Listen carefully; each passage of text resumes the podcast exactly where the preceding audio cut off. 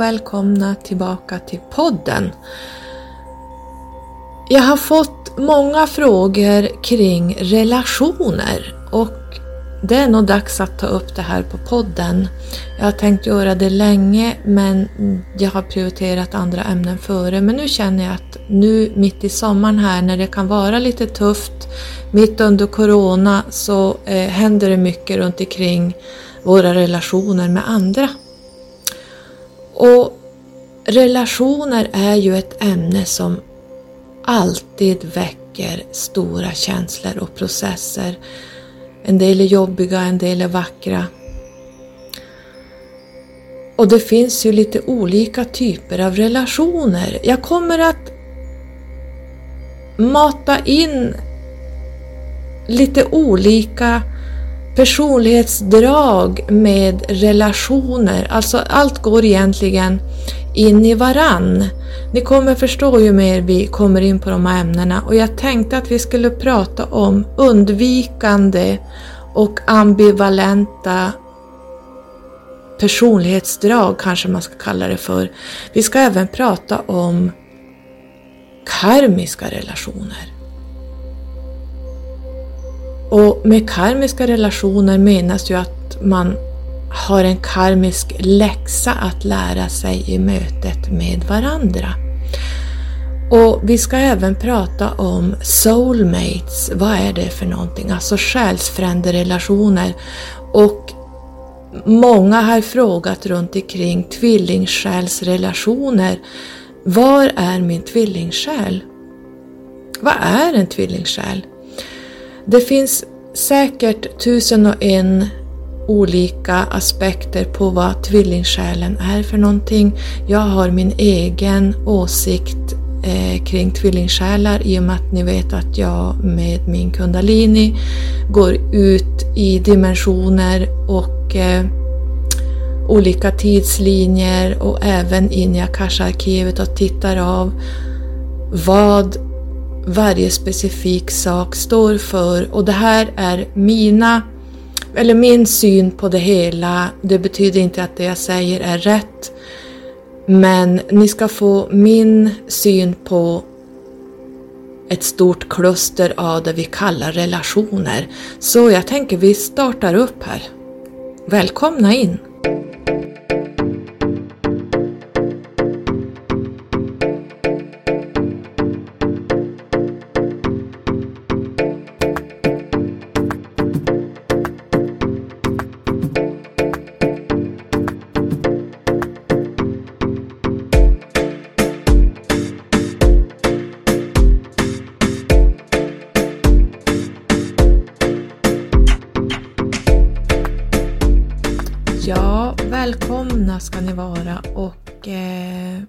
Idag ska vi prata helt tredimensionellt.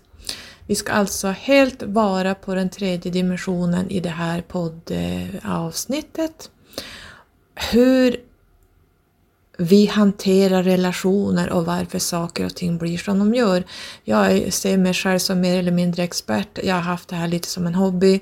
Jag har en enorm, enorm, enorm erfarenhet kring just det här ämnet. Från bokstaven A till bokstaven Ö.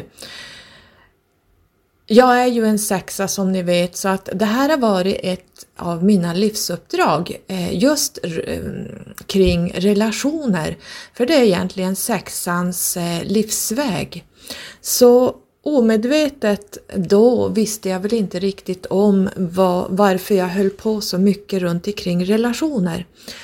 Och idag när jag är uppvaknad och numerologiskt, eller när numerologin kom in i mitt liv så föll min planritning, my blueprint, ner som en rasstandard. Det bara bam, bam, bam, bam, bam, bam, bam, bam, bam, sådär liksom allt bara, jag bara såg allting. Och det var liksom bara Oh my god! Nu fattar jag vad jag haft för uppdrag. Men som sagt var, jag har många uppdrag. Det här var min grundlivsväg, sexan. Och jag ska inte prata så länge kring det, men vi ska som sagt var gå ner på den tredjedimensionella världen idag och endast prata om lite grann egot, vi pratar bristtillstånd, vi pratar barndomstrauman, vi pratar ja men precis allt det här äh, som vi badar i dagligen dags hela världen runt omkring det här med relationer. Och en del ser inte det här, jag kan se det direkt, jag behöver bara titta på en person så ser jag hur utgången kommer att bli i deras nya relationer, i deras pågående relationer. Det, det, här är rätt coolt att se, jag kunde inte se det förr men idag ser jag det, det jag, får, jag får liksom, jag ser bara tidslinjerna gå förgrenar sig, jag ser precis hur det slutar. Så it's a blessing and a curse. Men vi ska, jag ska säga faktiskt det också att svenskarna är världens mest ensamma folk. Vi lever mest ensamma i hela världen. Och jag tycker också att vi har väldigt mycket destruktiva relationer och destruktiva beteenden. Ehm, jag känner inte till andra länder på det sättet som jag gör i Sverige så jag ska inte uttala mig men Svenskarna är i alla fall världens mest ensamma folk. Och jag såg, för något år sedan så såg jag en dokumentär, kan det ha varit på SVT? Jag kommer inte ihåg. Där det fanns en organisation som man fick följa, nu minns jag inte vad den hette förstås, där ensamma människor har bott i sina lägenheter utan någon kontakt med sina barn, släktingar och så vidare där man har eh, legat död i veckor, kanske i månader, i sina ensamma bostäder där man har allting på autogiro, det vill säga hyran betalas, allting går iväg på autogiro så att eh, eh, hyrorna kommer in och det är ingen som saknar en. Och det visar sig att de här personerna hade miljoner kronor på banken som de efterlämnade sig. Den här organisationen letade barn som man inte hittade eller som inte svarade. Man hade ingen kontakt, alltså det fanns ingen i de här personernas liv och det, var, det här var så många människor så att jag vet inte hur många hundra det var, kanske tusentals människor som dör på det här sättet. Och pengarna, de här miljonerna, miljoner, miljoner, går tillbaka till någon ja, fond eller någonting och eh, det här är Sverige i ett nötskal. Jag ser det här på akuten dagligen dags. Det är social svikt, det är eh, ensamma gamlingar som inte har någon som dör och ligger döda länge i sina bostäder. Och på grund av kanske lukt eller annat är det någon som till slut ser att det är någonting här inne, det är något som är galet. Så eh, välkommen till Sverige!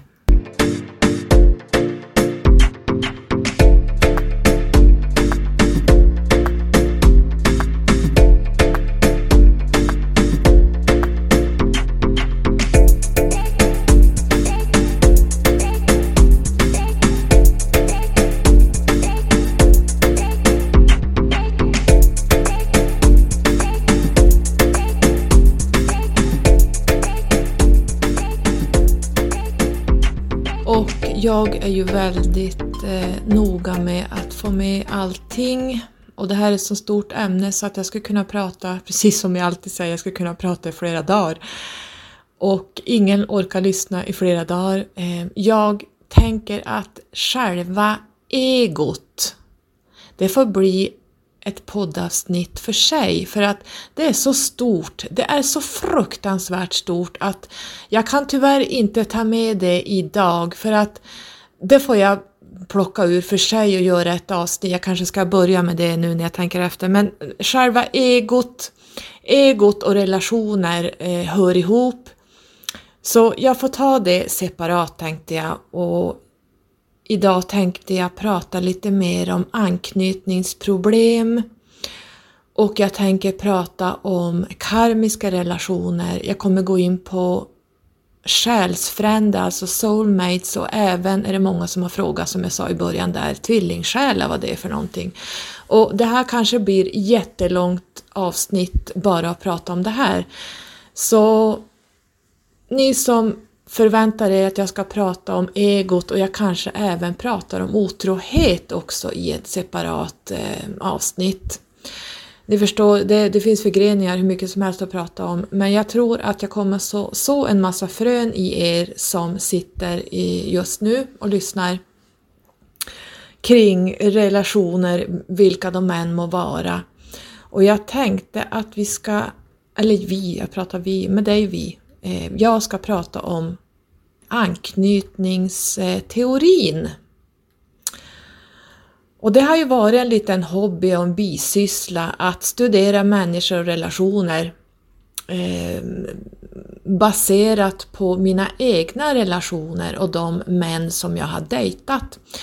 Jag har inte alltid varit tillsammans med dem utan jag pratar kanske mera att dejta någon under några månader och det ser inte jag som att vara tillsammans med någon efter några få månader. Utan jag ser det mer som dating. så länge man inte bor ihop med någon eh, och går in sådär eh, djupt, eh, djupare i en relation, då ser jag det mer som en dating. Det där är ju en, en personlig aspekt, vad man anser att vara tillsammans med någon eller inte. Men jag ser det så i alla fall. Och de här anknytningsmönstren, de utvecklas ju särskilt under de första två levnadsåren och de befästs eller förändras av våra erfarenheter under hela uppväxten kan man säga. Och det här mönstret har då blivit relativt beständigt i vuxen ålder. Och det kan vara möjligt att förändra det. Precis som när vi har en massa karmiska läxor som återkommer och återkommer fast de kommer i olika former fast det är samma läxor egentligen hela tiden.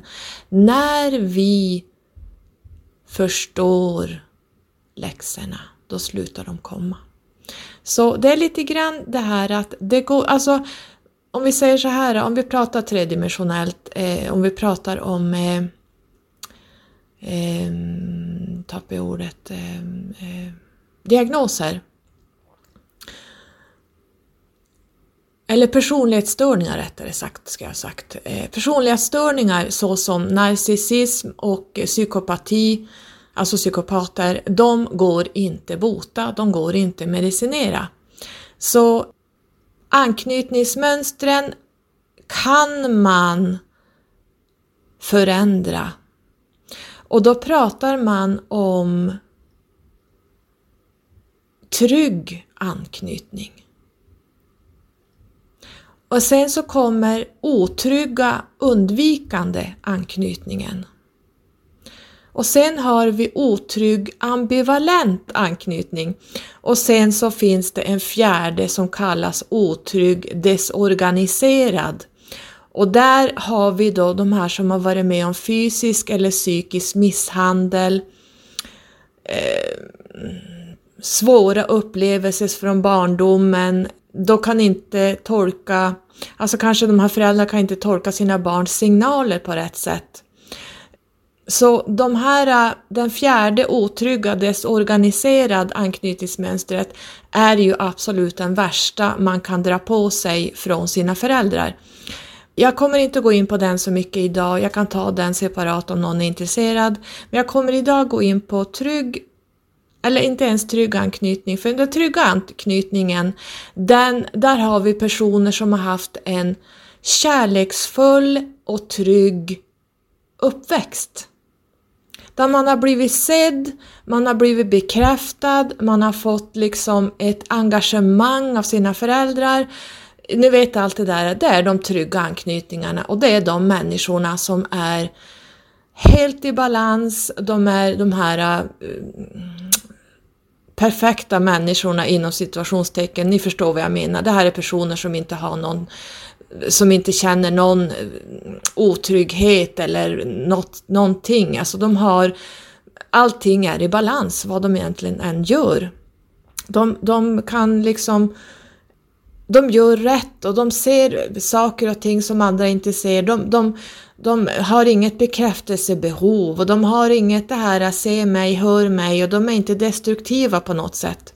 Så jag lämnar den, utan jag tänker vi går in på den otrygga undvikande anknytningen direkt här. Är ni redo?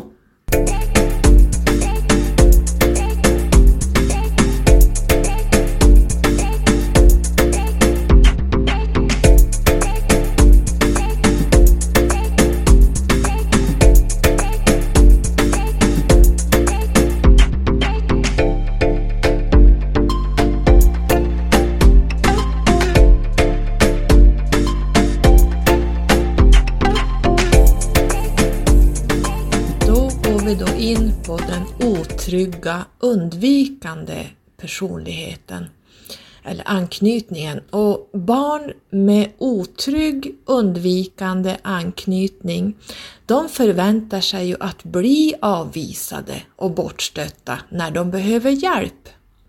Så därför lär de här barnen sig tidigt att inte söka närhet och stöd, utan de ska klara sig själva. De tänker sig fram till svaren snarare än att de känner efter. Jag säger det där igen. De tänker sig fram till svar snarare än att de känner efter. Och det här har man då lärt sig av sina föräldrar under de två första levnadsåren. Och jag ska strax berätta varför de använder tankarna istället för känslorna. Och de här otrygga undvikande är ofta väldigt omtyckta. De fungerar bra i mer ytliga relationer. Men i nära relationer så håller de lite distans de kan vara svåra att komma in på livet och de här drar sig ofta undan när de upplever krav på närhet. Och den här otrygga, undvikande anknytningen, hur uppstår då den? Om jag har föräldrar som inte stod ut med mina känslor de kanske osynliggjorde eller avvisade mig när jag var arg, ledsen eller glad. Då lärde jag mig att när jag söker närhet så blir jag avvisad och det gör ont. Tänk dig ett barn som skriker, har ont i magen, är ledsen att någonting har hänt eh, på dagis eller någonting så blir man avvisad. Förstår ni hur det fungerar? Så här enkelt är det. Och då är det så här, om det här barnet inte visar känslor och håller avstånd, då står föräldrarna ut med mig. Då blir jag inte avvisad. Så det här barnet tänker, jag måste hålla distans för att inte bli avvisad. Och i, det, i ett sånt här barns vuxenliv tar man med sig de här erfarenheterna om relationer. För nu är det inte bara mina föräldrar som jag upplever som ogenerösa och avvisande, men även hur jag bemöter alla andra människor. Det är så här att när vi är barn kan vi knyta an till tre, fyra andra förutom vår primära anknytningsperson och på det viset så lär vi oss andra strategier för att få närhet. Och den undvikande anknytningsbarnet visar inget behov av att använda föräldern som en trygg bas. Och det kan ju bero på att föräldern visat att hon eller han inte klarar barnets klängighet och känslomässiga behov. Och det här barnet har då lärt sig att enda sättet att garantera säkerhet och tillräcklig närhet är att inte visa behov av tröst och omsorg. De här barnen visar inte att de behöver tröst. De behöver ingen omsorg. Hur kan det då se ut? Ja, den som har en undvikande anknytning upplever sig ju ha ett stort frihetsbehov men samtidigt så finns ju den här rädslan där för ensamheten. Alltså de kastas mellan de här två sakerna hela tiden. Vilket gör att den undvikande personen eh, blir ju då som jag sa väldigt förvirrad. Alltså man, det blir inget bra hur man än gör. Och den undvikande personen håller ju ständigt sin partner på avstånd så att han eller hon har ryggen fri om någonting obehagligt händer. Och de här undviker ju inte bara händelser utan även sina egna känslor. Och de här undvikande känner ju ofta att de inte ens kan bli kära utan de försöker istället tänka sig fram om partnern är bra och attraktiv eller inte. Hur kommer det sig att några får undvikande anknytningsmönster? Och då är det så här att ett undvikande anknytningsmönster är ett inlärt beteende. Och det vill säga att det är ju inte en medfödd egenskap den här undvikande personen har ju varit med om att ha en gränslös förälder som har klampat över barnets gränser och kanske belastat barnet med sina problem, sin ångest, eh, som kan resultera i att barnet har fått ovanan av att se till att inte vara alltför förtrolig med föräldern. Och undvikande beteende är med andra ord nödvändigt när din partner var liten men fungerar uselt i en vuxen kärleksrelation. Och en person som har en undvikande anknytning har ju ett oerhört starkt behov av närhet samtidigt som nära, varma relationer väcker för stor smärta för att kunna klara av att gå in i ett sådant möte. Och det är inte lätt att ha en relation med en som har en undvikande anknytning då det lätt blir ett slags katt och råtta-lek. Ni kanske har hört talas om katt och råtta-relationer. Eh, Där den undvikande vågar närma sig dig endast när hon eller han märker att du drar dig undan. Den undvikande vill oftast ha närhet på egna initiativ då han eller hon har kontroll över situationen och kan bestämma själv. Och jag har ju träffat, nu ska vi se, en, två, åtminstone två, en riktigt stark undvikande person där relationen pågick i cirka sju månader eh, av och till. För den här personen var väldigt på i början och jag var inte alls så eh, lika så eh, på, om man säger så. Och det gjorde att den här personen såg att jag var i ett läge där jag inte var speciellt intresserad och då är det safe att gå in. Men när jag till slut började vända och tycka att det här kanske var någonting att satsa på, att jag blev mera eh, hur ska man förklara att jag blev mer intresserad, eh, jag började eh, närma mig. Eh, det blev lite mer intimt om man säger, på alla plan. Då började den här personen backa och backa och backade ur helt och försvann. Så jag backade ju då undan 100% och försvann. Då gick det en vecka eller tre så kom den här personen tillbaka med full kraft för då var jag borta igen. Då hade jag backat undan och då var det safe att gå in igen. Så här höll den här på, personen på under sju månader. Och den här personen innan mig hade varit singel i 16 år och bott själv i 16 år. Jag förstår idag att den här personen behöver naturligtvis hjälp med det här äh, undvikande anknytningsmönstret och det är solklart när man idag tittar tillbaks på det. Så att jag har en enorm erfarenhet kring just undvikande eh, människor. Och eh, sitter du i en sån relation eller har träffat en sån person så, eh, jag, så förstår du nog att det du har haft att göra med det är en person med en undvikande, som har ett undvikande anknytningsmönster. Det man kan säga kring de undvikande personligheterna, om jag säger så, anknytningsmönstren kanske man ska säga, är att de tänker så här, jag litar hellre på mig själv än på andra människor. Jag tycker det är jobbigt att vara beroende av andra. Jag oroar mig för att människor ska komma mig för nära. Jag bedömer människors värde utifrån vad de åstadkommer. Jag är mer styrd av mina tankar än mina känslor.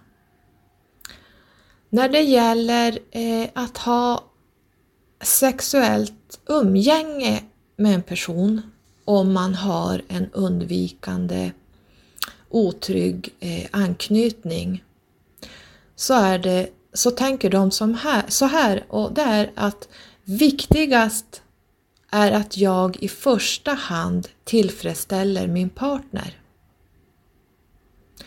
Jag har sex med min partner för att säkra relationen. Jag använder sex för att kontrollera min partner. Jag har sex därför att jag vill vara en duktig partner. Jag känner mig mindre bekväm med sexuell intimitet. Jag njuter inte så mycket av förspel och hångel och jag tycker mindre om beröring. Jag har ofta mer sex i början av en relation. Det känns mer tryggt när distansen är större och närheten inte är så djup. Jag kan undvika sex eller ha flera tillfälliga sexuella kontakter. Då är det ingen som kommer för nära mig. Jag kan uppleva känslomässig frånkoppling under sex och känna främlingskap. Jag har ofta en partner som är svartsjuk. Jag är oftare otrogen. Om vi då går tillbaka till det här barnet fungerar de som så här. Barnet visar inga känslor när mamma lämnar mig ensam eller tillsammans med en främling. Jag fokuserar enbart på leksakerna omkring mig. Jag visar inga känslor när min mamma kommer tillbaka, varken upprördhet eller glädje. Man kan säga att jag har stängt av mitt anknytningssystem.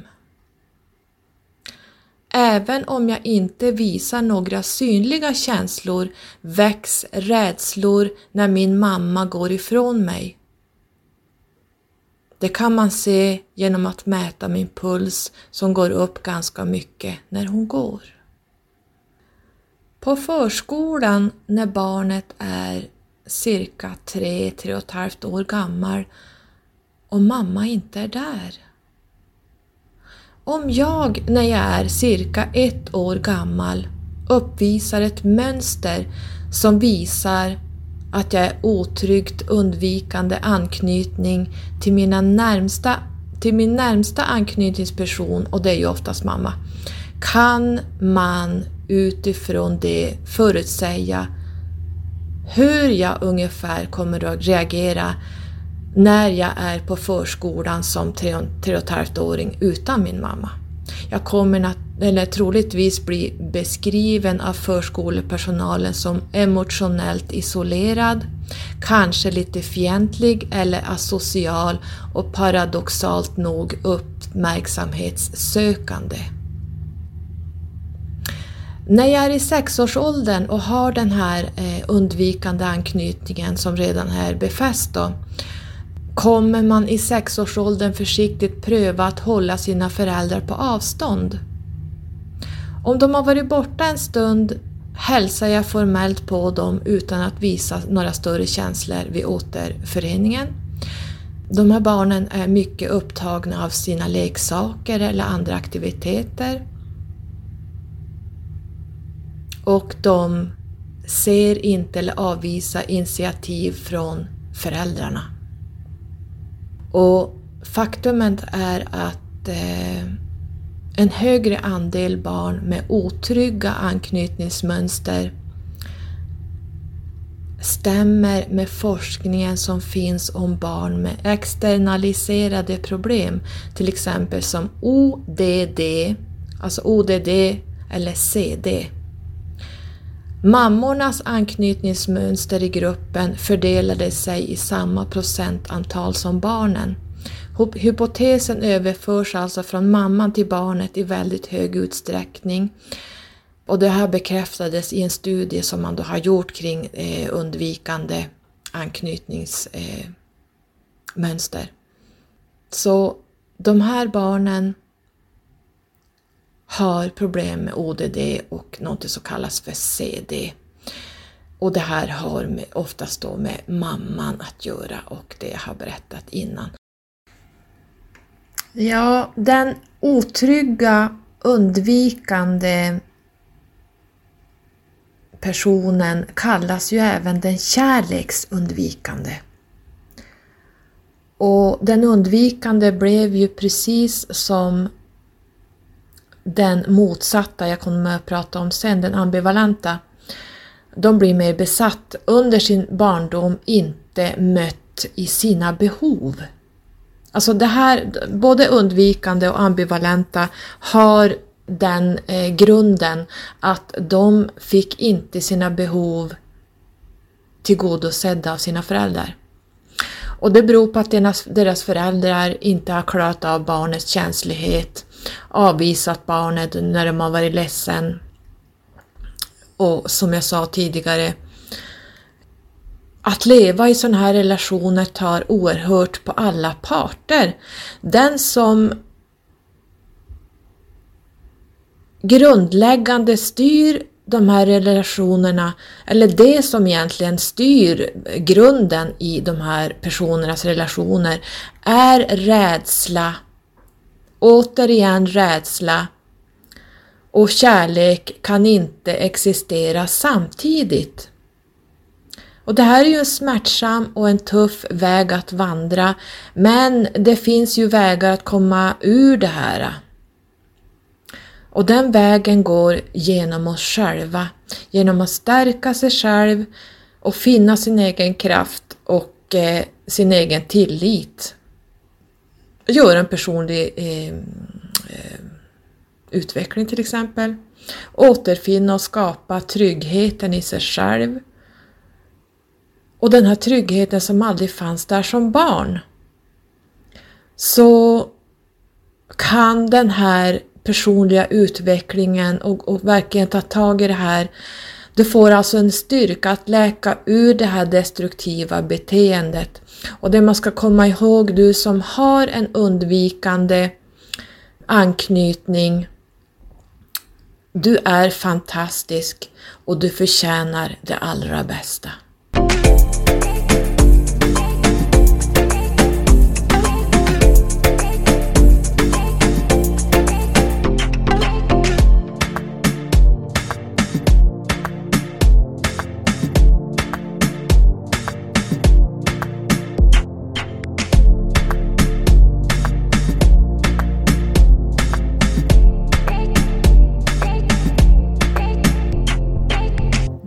Har vi kommit till otrygg ambivalent anknytningsmönster eller anknytning.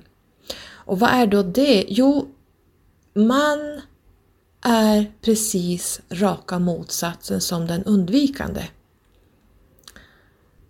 Jag upplever att andra kanske inte vill komma så nära mig som jag skulle vilja ha dem. Jag oroar mig för att andra inte ska bry sig lika mycket om mig som jag bryr mig om dem.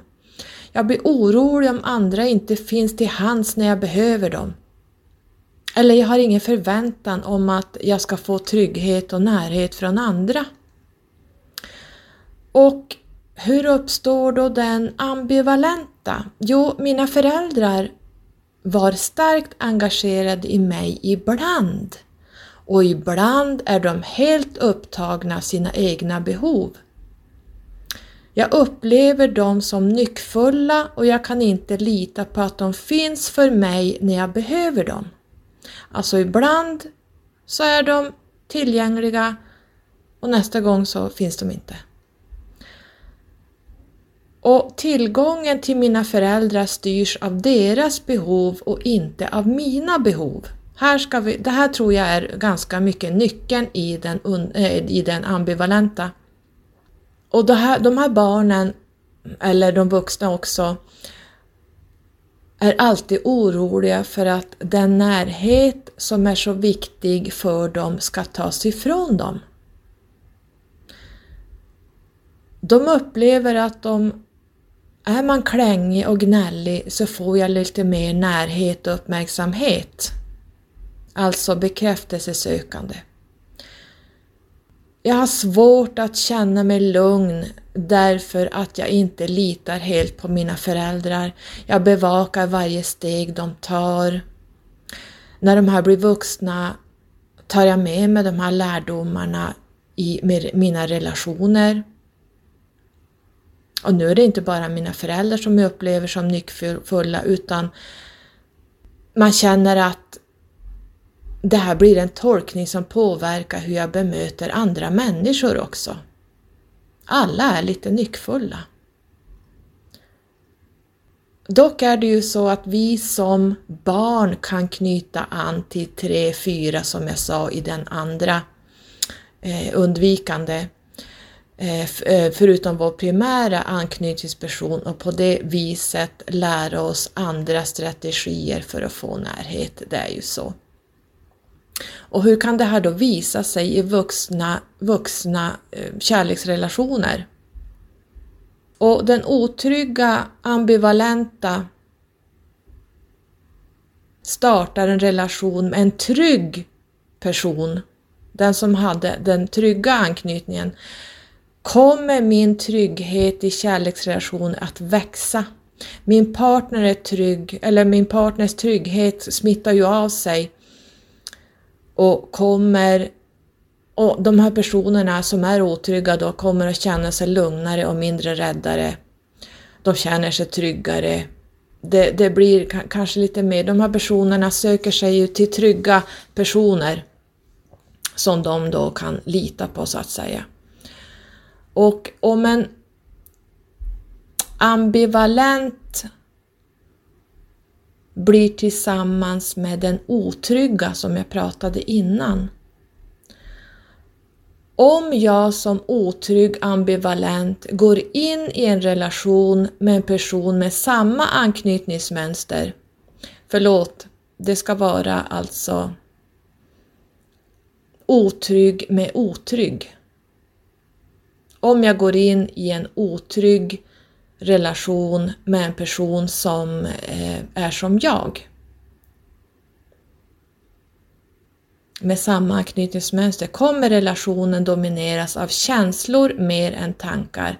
Det kommer vara en relation som innehåller mycket passion, där ingen av parterna kan få närhet nog, vilket i sista hand betyder att jag kommer knuffa bort den andra för att få för att den då ändå inte kan älska mig så mycket som jag är i behov av. I sådana här relationer är det ofta känslor av svartsjuka hos mig och känslor av otillräcklighet hos den andra som dominerar. Och ofta dras inte otrygga anknytningsmönster till varandra utan motsatsen, tack och lov. Men jag ser det då och då att eh, två otrygga ambivalenta som är tillsammans eh, slutar i katastrof. Och om man då skulle se eh, ett par som en, där en har en otrygg ambivalent och är tillsammans med en otrygg undvikande som jag pratade om innan. Om de här två går i en relation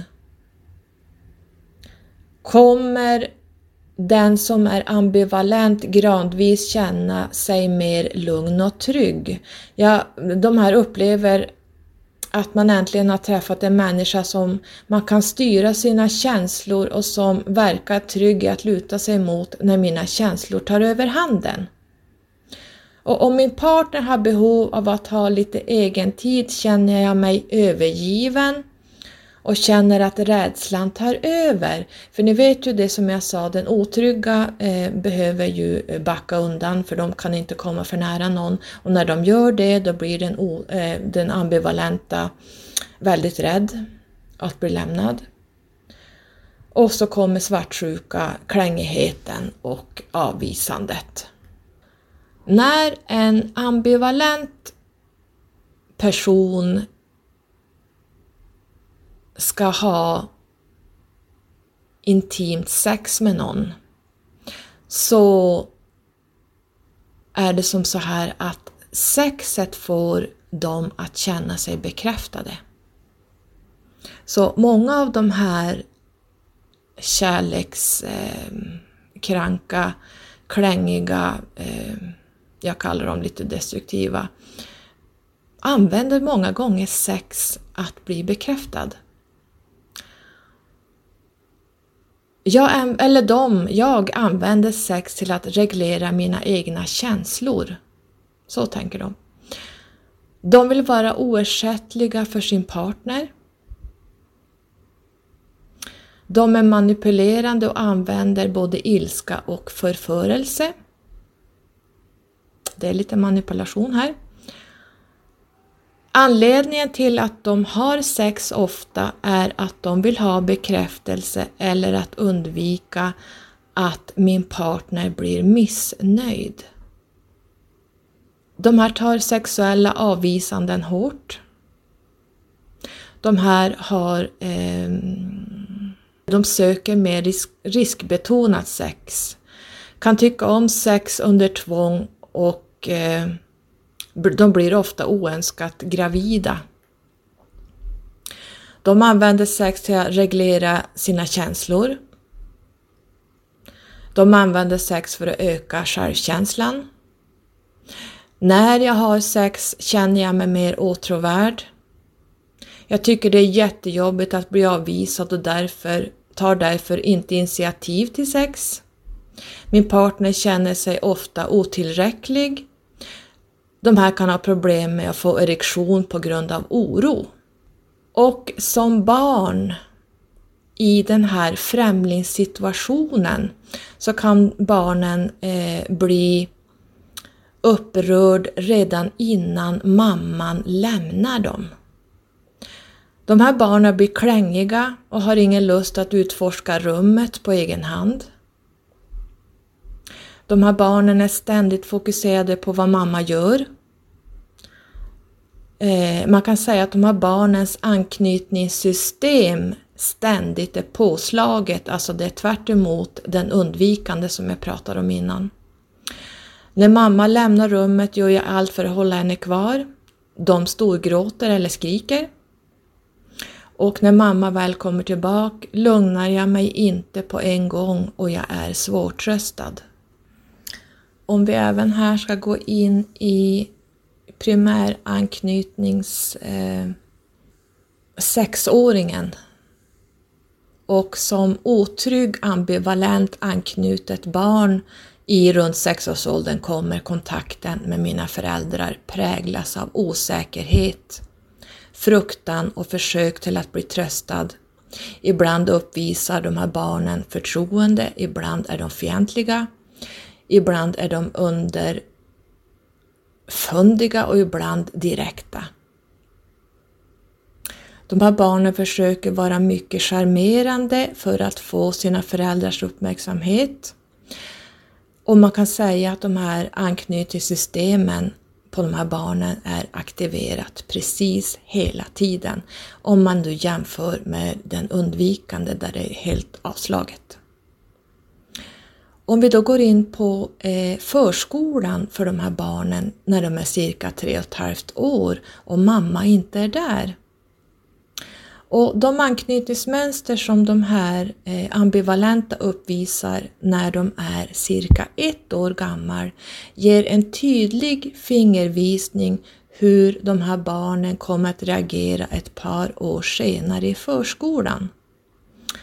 Om man som ettåring är otrygg ambivalent anknytning till min närmaste anknytningsperson, som då oftast är mamman, kommer förskolepersonalen troligtvis beskriva mig så här när jag som tre och en halv-åring på förskola utan min mamma som mycket uppmärksamhetssökande, mycket impulsiv, lätt frustrerad upplevs som hjälplös och passiv. Vi har nog all, eh, alla någon gång, eh, höll på att säga alltid, men i alla fall någon gång har vi nog träffat på någon otrygg, ambivalent person som vi haft en relation med. Eller vi kanske har sett dem eh, runt omkring våra vänner eller eh, släktingar. Och de kallas för de kärleksbesatta. Och de här kärleksbesatta, ambivalenta, drivs av en mycket stark känsla i att vara ensam och har svårt att stå på egna ben och gör sig ganska snabbt beroende av sin partner. De klarar inte att stå på egna ben, försörja sig själv, utan de är helt beroende av sin partner. Och de har en ständig rädsla av att bli övergiven och lämnad. Och det är någonting som verkligen präglar de här eh, ambivalenta, kärleksbesatta. Man kallar dem lite för besatta. Eh, deras otrygghet startade som sagt var i barndomen där barnet hade en förälder som fanns ibland med sin kärlek och ibland inte alls. Och det här skapade en stark otrygghet i barnet som fick lära sig att kärleken kunde gå förlorad. Och i en kärleksrelation så blir ju den här besatta, ambivalenta väldigt klängig och har svårt att tro på att hon eller han är värd kärlek, vilket gör att som besatt känner man ett ständigt inre tomrum som känns svårt att fylla. Och det här gör att den besatta tar allt som de kan få ehm, ofta klamrar de sig fast i relationer även om det är en dålig relation och skadlig relation. Och det här tycker jag jag ser hela tiden. Och det gör ju att de ofta kan nöja sig med att få smulorna när de egentligen förtjänar hela brödet. De här besatta, ambivalenta anknytningsmönstret glorifierar ju sin partner det är vanligt att den här som är så besatt har väldigt lätt att fastna i en bild som inte är sann. Plus att eftersom den besatta lever genom sin partner så tar detta oerhört mycket energi och ständigt rusande tankar vilket gör att de inte har lätt, att de har lätt att bränna ut sig. Den otrygga, ambivalenta glorifierar sin partner med till exempel att skriva och tagga den här eh, sambon eller partnern hela tiden i sociala eh, sammanhang. Man lyfter upp den här eh, sambon till skyarna, man lägger upp bilder på partnern ständigt och jämt och man öser sin kärlek då som andra ska se utåt. Det, mest, det mesta i den här eh, otryggas, ambivalenta, besattas vardag kretsar faktiskt kring partnern. Och ska vi då sammanfatta den otrygga ambivalenta anknytningen som då kallas för egentligen besatt eller kärleksbesatt styrs ju av sina känslor snarare än tankarna.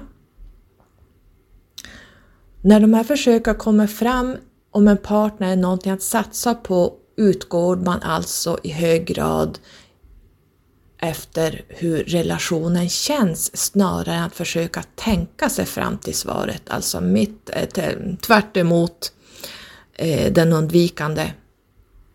De har starka behov av att komma nära andra människor och har problem med att ibland vilja ha mer närhet än andra är beredda att ge. De kanske hör av sig hela tiden, de klamrar sig fast, de skriver och skriver, de vill träffas hela tiden, de lämnar inte personer i fred.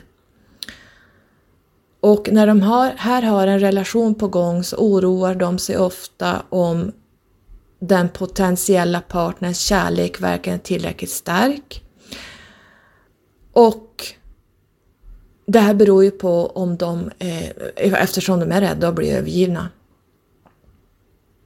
De kan ha lätt att bli misstänksamma. Om partnern vill ha tid för sig själv kan det väcka en stark oro eller svartsjuka. Och när de här känner sig pressade och oroliga kan de ha svårt att lugna sig själva med hjälp av förnuftiga tankar och brukar istället vilja ha kontakt med partnern och det kan leda till att du anklagas för att vara klängig och krävande och kanske dominerande och styrande och kontrollerande. Om du upplever att din partner inte går att lita på så kan det leda till att klängigheten övergår i starkt avståndstagande. Du känner dig då mycket uppriven, ledsen och arg. Rent generellt tenderar du att fästa överdriven vikt vid dina känslor, vilket kan leda till en stark turbulens i livet och stormiga relationer. Ibland kan de här känslostormarna vara så påfrestande att du drar dig för att överhuvudtaget gå in i relation. Resultatet kan då bli en självpåtagen ensamhet, alltså en självtvingande ensamhet och det här får dig aldrig att må bra för i grunden har du ett stort behov av närhet. Kännetecknen är ju då att jag upplever att andra inte vill komma så nära mig som jag skulle vilja ha dem. Jag oroar mig för att andra inte ska bry sig lika mycket om mig som jag bryr mig om dem. Jag blir orolig om andra inte finns till hands när jag behöver dem. Och de här äh, ambivalenta, otrygga, ska ju faktiskt ge sina partner luft. Försök vara lyst, att lyssna även om det känns ovant. Försök att lägga bort känslorna. Du kanske är van att folk blir fascinerade av dina berättelser om dig själv. Men försök att lyssna istället. Det är så du skapar närhet. Tack vare din känslostyrning kan du ibland förstora dina känslor bortom rimliga proportioner. Om en träff inte var riktigt spännande som du hade tänkt dig så kan känslorna få dig att vilja avbryta alltihop. Följ inga, inga sådana impulser. Låt en träff kännas sådär och fortsätt träffa personen oavsett vad dina känslor säger om saken. Och som otrygg ambivalent så har man ju en tendens att snabbt vilja kapsla in sig tillsammans med den man är intresserad av och stänga av yttervärlden. Om du märker att partnern tycker att det blir för mycket så lura ditt eget system genom att bjuda in mer folk nästa gång ni träffas. För att de här andra som du dejtar blir rädd när du kliver på så här på en gång med din närhet och ditt klängande och det blir too much. Och eh, då kan det bli raka motsatsen, att de springer sin väg istället. Många gånger tycker jag man ser det finns personer i min närhet som ett tag där la till sig som i ny relation. Jag vet inte hur många gånger per år hon var i en ny relation med nya män. Och det tog allt ifrån eh, två dejter till mindre än en månad så var man på Facebook i en ny relation. Här såg jag direkt att det här är en person med en klassisk eh, ambivalent anknytningsmönster helt enkelt det är jobbigt att vara så här och det är jobbigt med de här klängiga människorna som hela tiden söker kärlek utanför sig själva. De är kärleksbesatta och jag tror alla vi har någon i vår närhet som, som är så här. Man är helt beroende av en partner, man är helt beroende av, man, man säger upp hela sitt liv för den här människan. Man sitter på Facebook eller Instagram och bara kastar ut kärleksbilder, pussbilder, krambilder. Och så skriver man Åh, jag älskar han och han är den bästa mannen i mitt liv eller bästa tjejen och du är så fin och var har du varit hela mitt liv? Och det liksom bara matas ut. Man vill visa hela världen att det är vi. Och Sen alla kommentarer som man då förväntar sig, den här uppmärksamheten då man vill ha att ens vänner ska säga men åh vad roligt, vad lycklig jag är för eran skull. Och så ser jag precis vad det här handlar om. Och jag kan se redan här hur, de, hur det här kommer att sluta. It's a blessing and a curse. Och jag tror ändå att jag sår ett frö i er som har varit med om det här, som har träffat personer som har en ambivalent eh, anknytning eller som kanske har vänner runt omkring som har det här. Eh, så kan man lättare kanske stå ut med dem för att det, det här bottnar i deras anknytningsmönster de fick sen under de första två åren när de var barn och det är naturligtvis föräldrarnas fel. Sorry to say, men det är inte lätt att vara förälder. Och jag brukar säga så här, det är inte alla människor som ska ha barn. Därför att det blir trasiga barn. Man måste först reda upp sig själv innan man kan ta hand om ett barn. Och så ser inte samhället ut idag. Och det, vi, får föd, eller det, vi får mer och mer trasiga eh, ungdomar. Alltså det är så mycket trasiga ungdomar. Jag ser dem varenda dag på mitt jobb så att eh, det sprutar ut trasiga människor på grund av att föräldrarna bär på så mycket eh, trauman och skit från sina föräldrar. Så att eh, jag står ganska hårt på den åsikten att det är inte alla som ska ha barn.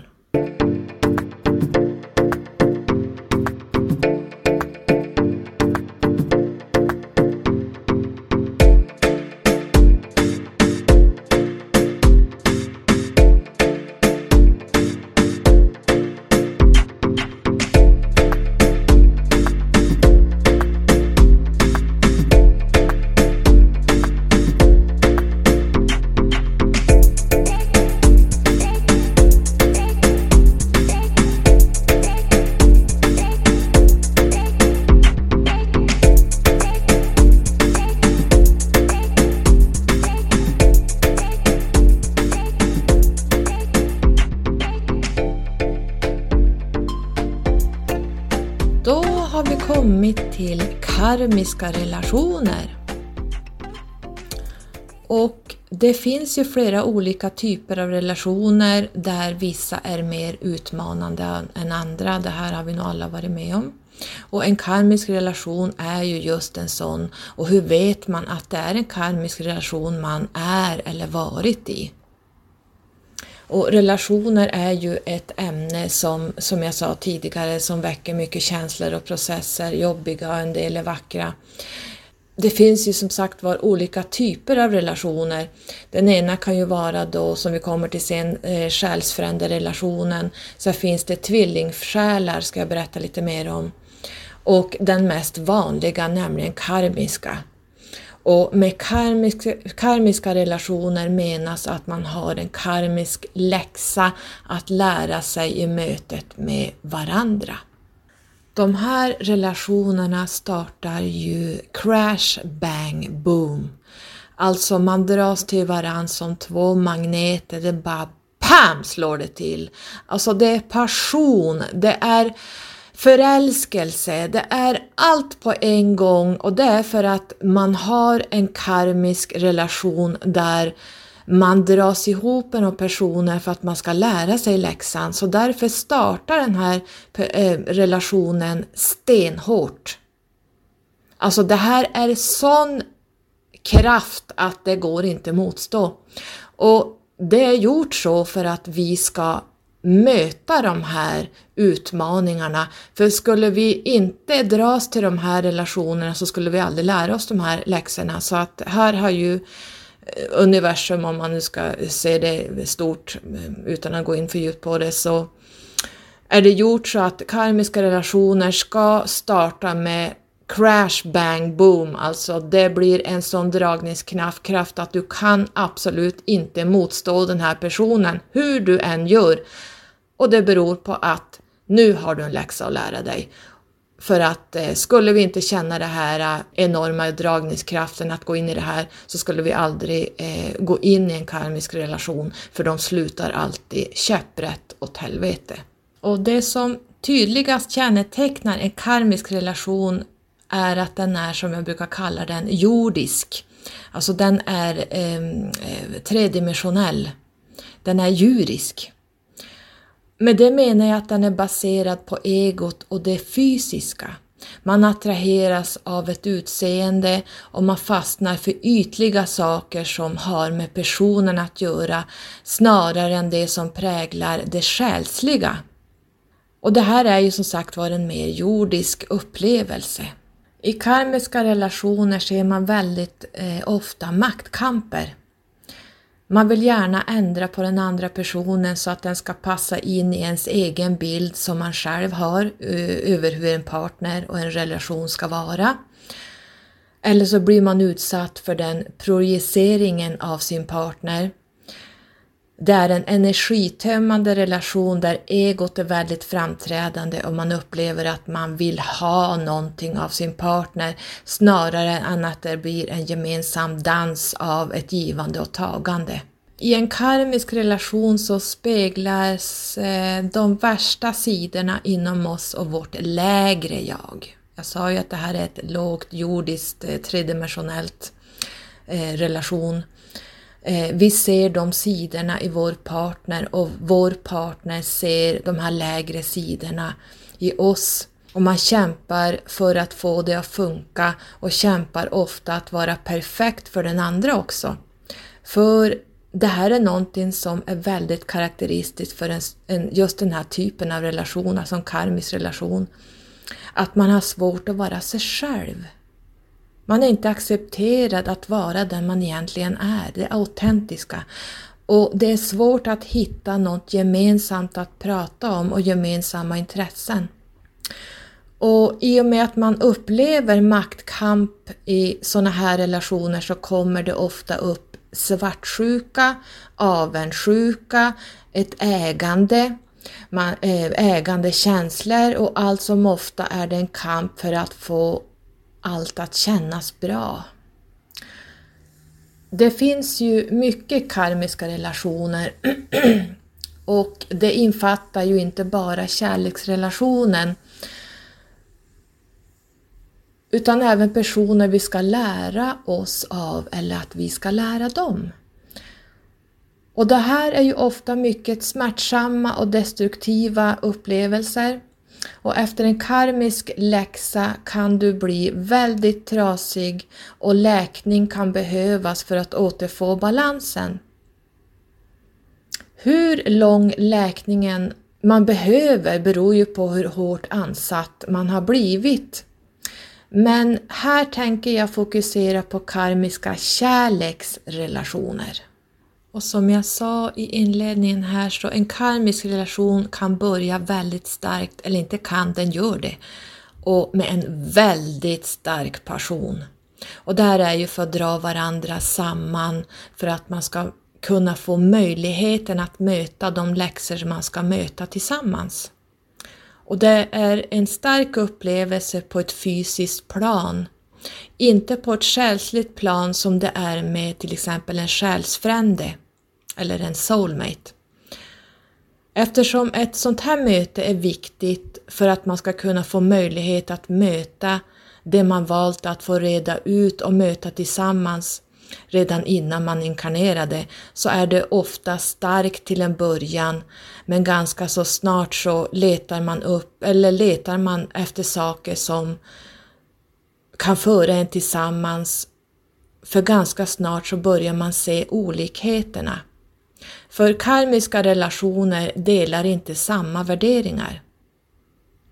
Säger den ena svart så säger garanterat den andra vitt och det finns inget eller väldigt lite supportande i sådana här relationer.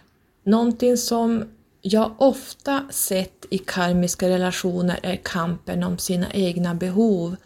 Att få utrymme till sina saker och sina behov där man ofta upplever den andres livsväg och life mission som ett hot och där man försöker distrahera bort den andra från den vägen som de kom ner för att gå.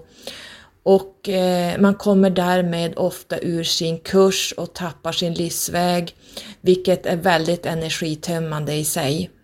En karmisk relation drar man ju till sig när man är i sina lägre vibrationer. Det betyder inte att man är sämre än någon annan, utan det menas att man tappat bort sig från sin livsväg eller på ett eller annat sätt inte lever fullt ut eller fullt ut sant med sig själv.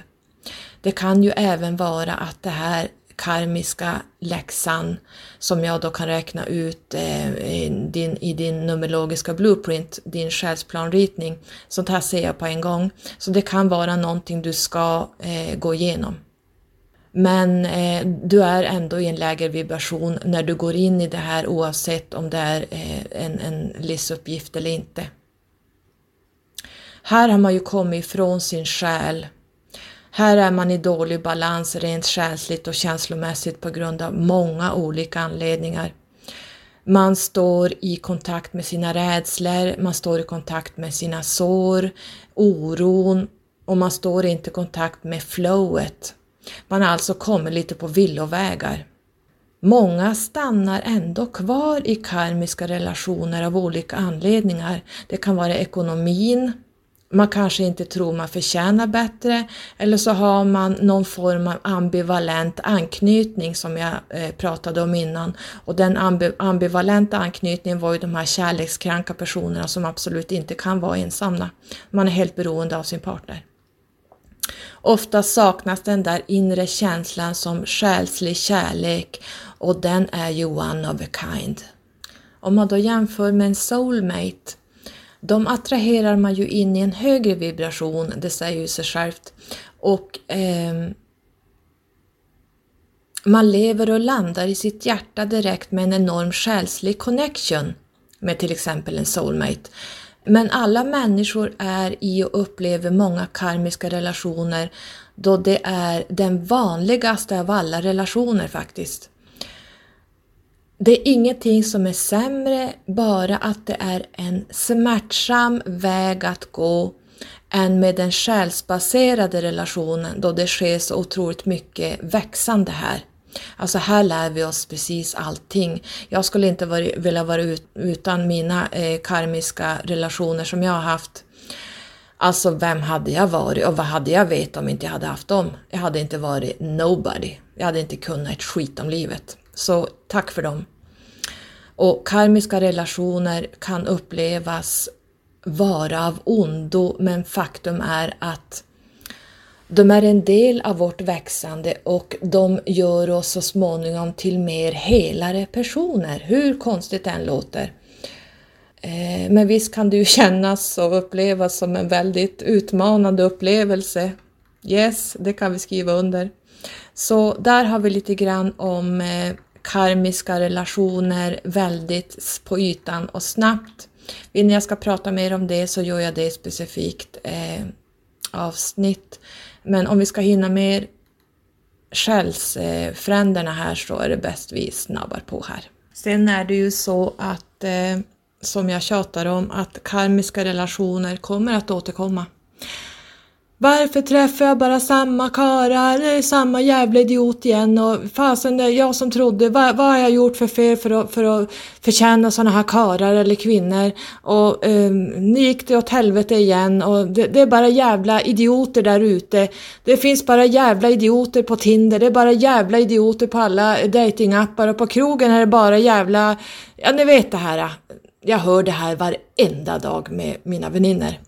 Och det här beror på att varför hamnar man bara i karmiska relationer? Jo, därför att de kommer att återkomma hela tiden, hela tiden tills du har lärt dig att stå upp för dig själv, se igenom vad det är du ska lära dig, gå ner på djupet och kolla av vad är det i den här, vad är det som gör att jag dras till de här människorna och vad är det inom mig som jag inte tar kommandot över? Vad är det jag behöver läka? Vad behöver jag eh, eh, ja men allting runt omkring det man har med sig i bagaget från det man är liten och kanske till och med tidigare liv, det kommer att återkomma i alla dina relationer, om du så har 500 stycken under ditt liv, så kommer du bara träffa de här männen eller kvinnorna tills du har lärt dig läxan och de här läxorna pågår tills du har fattat. Sen försvinner de. Du kommer inte att möta en karmisk man, kvinna eller relation efter det du har lärt dig läxan.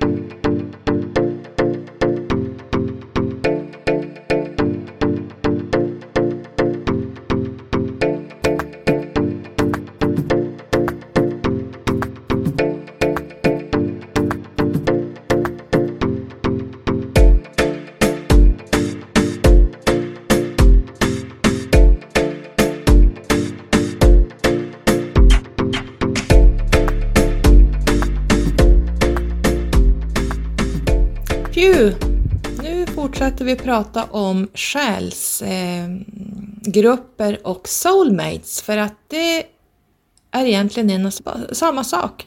Alltså eh, våra själsfränder kommer ifrån samma själsgrupp. Jag har pratat om det här eh, många gånger, både på videos och jag antar även på podden. Nu minns jag inte tyvärr var. Men eh, gruppen är en grupp som vi har som, som vi har en, kopp, en, an, en djupare andlig koppling till. Och din soulmate-grupp kan vara ett fåtal personer och de, de här själarna spelar en väsentlig roll i ditt liv. Som jag har pratat om så kan de gå ner och hjälpa dig i ditt liv för din höjning. Det vill säga om, om ni lever ett liv flera gånger om och om igen och du lär dig aldrig eh, det du ska lära dig så kan man gå ner som i, i själsgruppen som en soulmate. Att gå ner, inkarnera under en kort period för att lära dig att komma ur den här läxan. Det kan vara ett barn som föds dödfött. Här ska du lära dig att hantera det. Det kan vara ett barn som dör vid unga år, en tonåring. Det kan vara eh, en man eller en, en kvinna, en sambo som går bort eh, efter några år. Det kan vara eh, allt möjligt de går ner och sparkar oss i arslet. Oftast kan det vara eh, jobbiga saker eftersom det här är redan förutbestämt att din soulmate, din själsfrände från din själsgrupp ska gå ner och sparka dig i arslet för att komma igång och en gång för alla lära dig i det här livet så att du slipper ha de här läxorna i 500 liv igen. Och de här soulmates inom den här själsgruppen kan ju innehålla, som jag sa, familjemedlemmar och vänner och faktiskt våra eh, älskare eller eh, de man är tillsammans med. De här soulmates kommer att lämna bestående avtryck i våra liv och de kommer ha en hand med i att förändra våra liv. Och de här soulmates eller själsfränderna berör våra liv på de djupare nivåerna. Människor som du har starkare kontakt med på, ett själsligt, på en själslig nivå. Det kan vara människor som utmanar och driver dig mest och hårdast. Eh, när du träffar en soulmate för första gången kan det vara ett välbekant band som du kanske känner dig kopplad till i flera liv än bara det här livet. Jag ser det som att alla har en grupp soulmates som kom, man kommer med ner till jorden med. Det är inte alla som följer med, men en del följer med ner. Fast vi, handlar på, vi handlar, hamnar på olika ställen. Men förr eller senare kommer vi att mötas. En del soulmates är inte avsedda att vi ska träffa eller vara tillsammans med.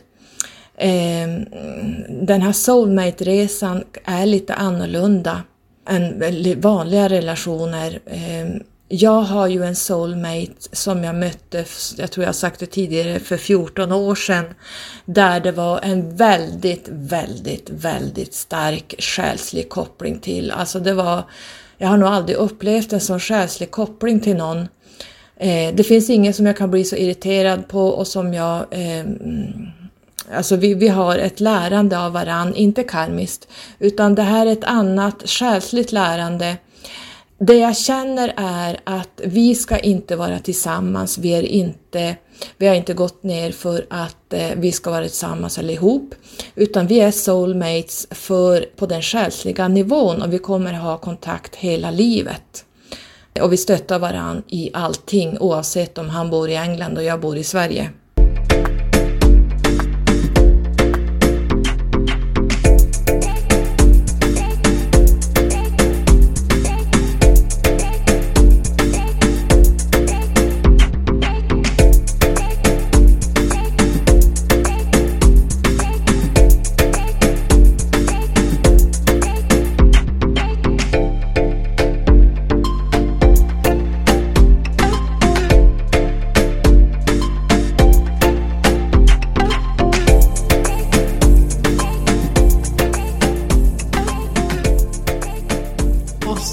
Prata om tvillingsjälar eller eh, Twin Flames. Och eh, alla har vi väl läst 51 olika aspekter på vad en tvillingsjäl är. En del påstår att det är att själen delar sig i två när den går ner, att den ena halva själen far i en kropp och den andra själen far i en annan kropp och sen ska man lära sig olika saker tills man möts igen och när man möts så ser man sig själv och att det här blir eh, speglingar av sig själv när man möter varandra. För mig finns inte det här, för mig är det här bullshit. Sen finns det andra aspekter på tvillingsjälar, att det är Ja men det är ju såna här, eh, att det är någon tvilling, det är någon, jag vet inte hur man ser det, alltså det, det, det bara sprutar ut hur du attraherar in din tvillingsjäl och det är hundra olika aspekter. Och jag blir bara förvirrad av sånt här, för enligt mig när jag är i både Akasha-arkivet, när jag går upp i flera dimensioner och på olika tidslinjer, så ser jag att tvillingsjälen är ditt högre jag. Och många som kanske inte är så specifikt uppvaknade på den här jätte, jätte subtila nivån av sitt högre jag som hela tiden finns med oss, som hela tiden guidar oss, som sitter på en sån hög eh, dimension om man vill säga det, ehm, de, ehm, på en högre tidslinje, inte en annan dimension, det blir en annan dimension men det blir en, en, en väldigt hög tidslinje som vägleder oss eh, ur ett helikopterperspektiv kan man säga väldigt enkelt för att alla ska förstå.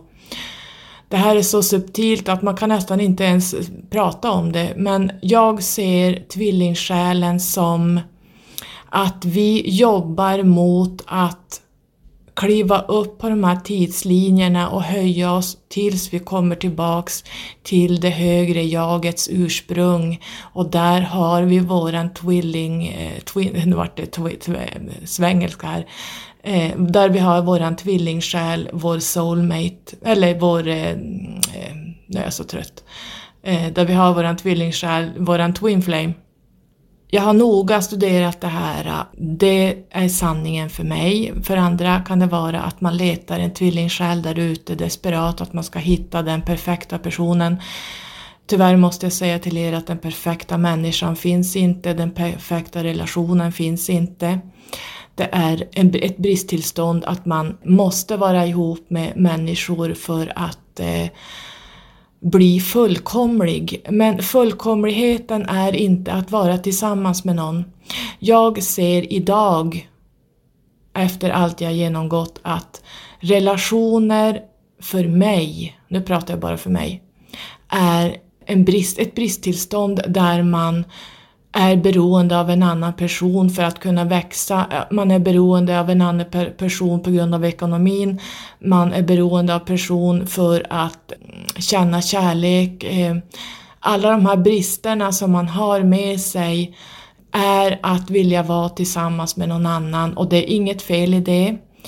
Det är den tredimensionella energin, den djuriska energin, det är fortplantningssystem, det är mycket sånt här som spelar in och eh, folk förstår inte det här. Man ska vara tillsammans med någon, annars är man jättekonstig. Vi går mer och mer mot att eh, vara singlar för att om jag inte hade varit ensam eh, så hade jag inte kunnat växa överhuvudtaget det är i min eh, ensamtid som jag växer som människa med allt det jag har gått igenom i, jag höll på att säga, det känns som jag har levt flera liv i det här livet. Men för mig är det så att eh, jag har inget som helst behov av att ha en man i mitt liv.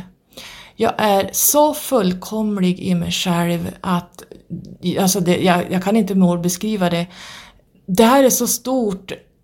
Det här, det, alltså den personliga utvecklingen kan du aldrig göra med en annan människa. Alltså det går inte. Jo, men det går säger du. Ja, men nej, det går inte. Eh, inte på den nivån som jag har gjort. Det går inte att ha en annan person i sitt liv eh, eh, under samma tak som du ska göra den personliga utvecklingen på den nivån jag pratar om. Det går inte. Jag har inget behov av att jag måste ha en person, i, alltså en manlig kärleksrelation i mitt liv för att överhuvudtaget fungera, för att överleva, för att kunna få kärlek och allt det här vad det innebär att ha en relation. Det är ju, bara det här är ett ämne för sig på 50-11 timmar.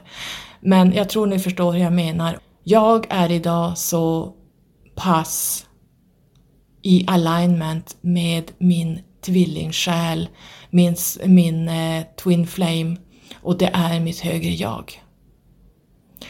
Jag hoppas inte att det blev för tjorvigt, men så ser jag på tvillingsjälar.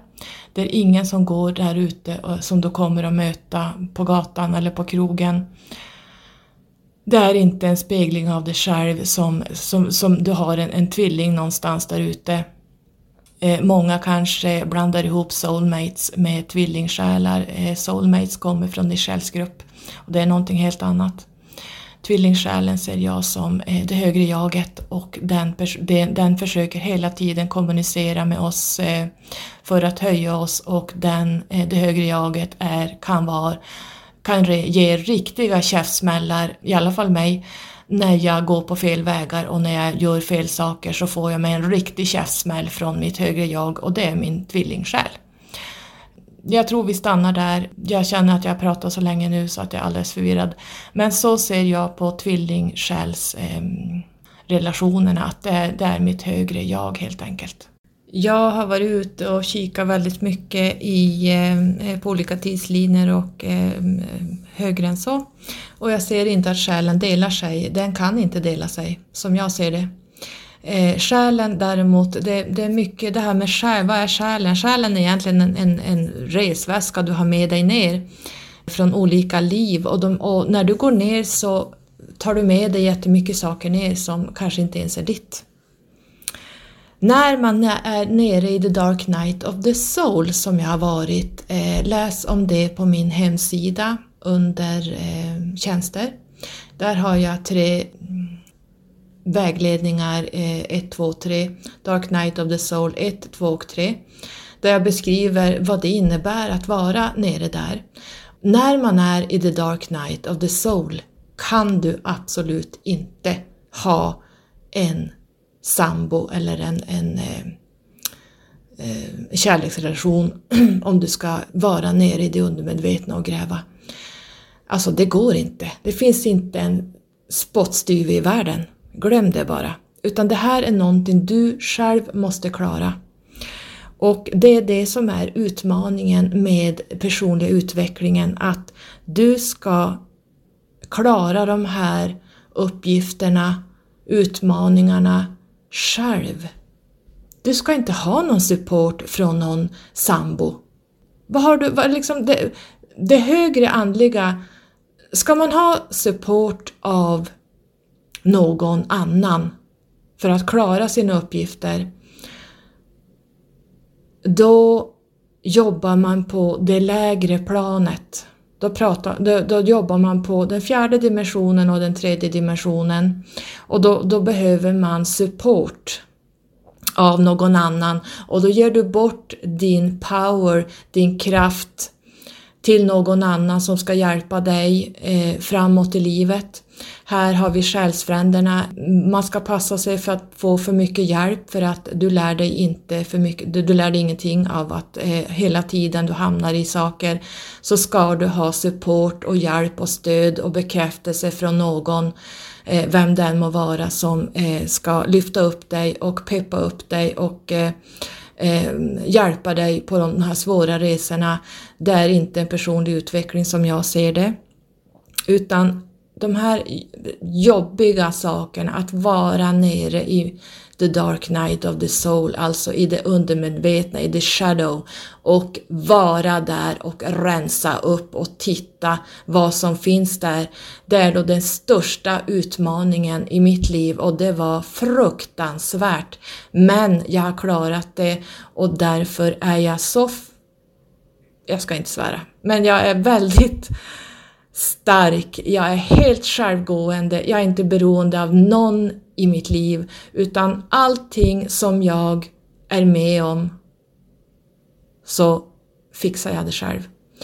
Och det handlar inte om att eh, det ska vara en utmaning, att jag ska klara vissa saker, utan det är så här, det är en, en sak som min tvillingsjäl, min, min, min, mitt högre jag kräver av mig.